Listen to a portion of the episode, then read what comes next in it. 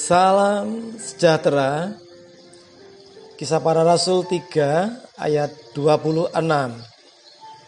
Dan bagi kamulah pertama-tama Allah membangkitkan hambanya dan mengutusnya kepada kamu supaya ia memberkati kamu dengan memimpin kamu masing-masing kembali dari segala kejahatanmu. Rasul Petrus menyerukan hidup dalam kesadaran dan pertobatan. Rasul Petrus mengetahui bahwa banyak umat tak sadar mengenai siapa Yesus Kristus. Karena itu Rasul Petrus menjelaskannya kepada mereka agar mereka memahami apa yang telah dinubuatkan oleh para nabi. Tak hanya menyadarkan para pendengar, Rasul Petrus juga mengajak mereka bertobat. Dalam bahasa Yunani, kata bertobat adalah metanoia. Artinya adalah perubahan pikiran, berbalik arah. Dan dalam wacana teologis, ini bermakna perubahan pikiran ke arah Kristus. Berbalik dari kejahatan kepada ketaatan kepada Allah. Kita bisa melakukan kesalahan dan kita kemudian sadar akan kesalahan kita. Dan belum tentu kemudian kesadaran ini kita respon, kita lanjutkan dengan sebuah perubahan sikap. Sadar bahwa kita salah itu hal yang baik dan baik sangat baik. Dan tentunya Melalui kisah para rasul tiga ini,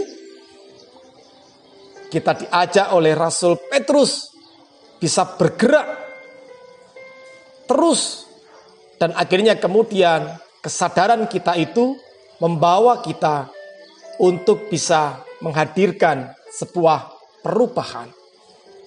Jadi sadar yang kemudian diikuti dengan perubahan sebagai buah dari kesadaran itu, yakni berbalik arah dari yang jahat ke arah yang benar, dari yang tidak baik menjadi baik, menyadari kesalahan yang diperbuat, lalu kemudian memperbaikinya.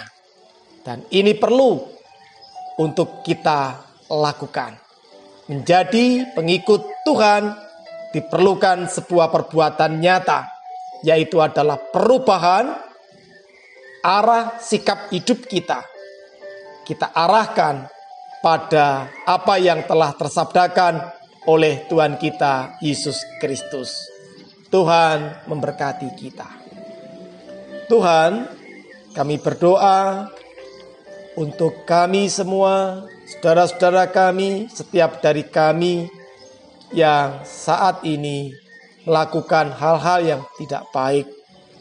Kiranya kami semua disadarkan dan kami pun juga bersedia untuk memperbaiki ke jalan Tuhan yang lebih benar. Ya Tuhan Allah kami, berkati kami.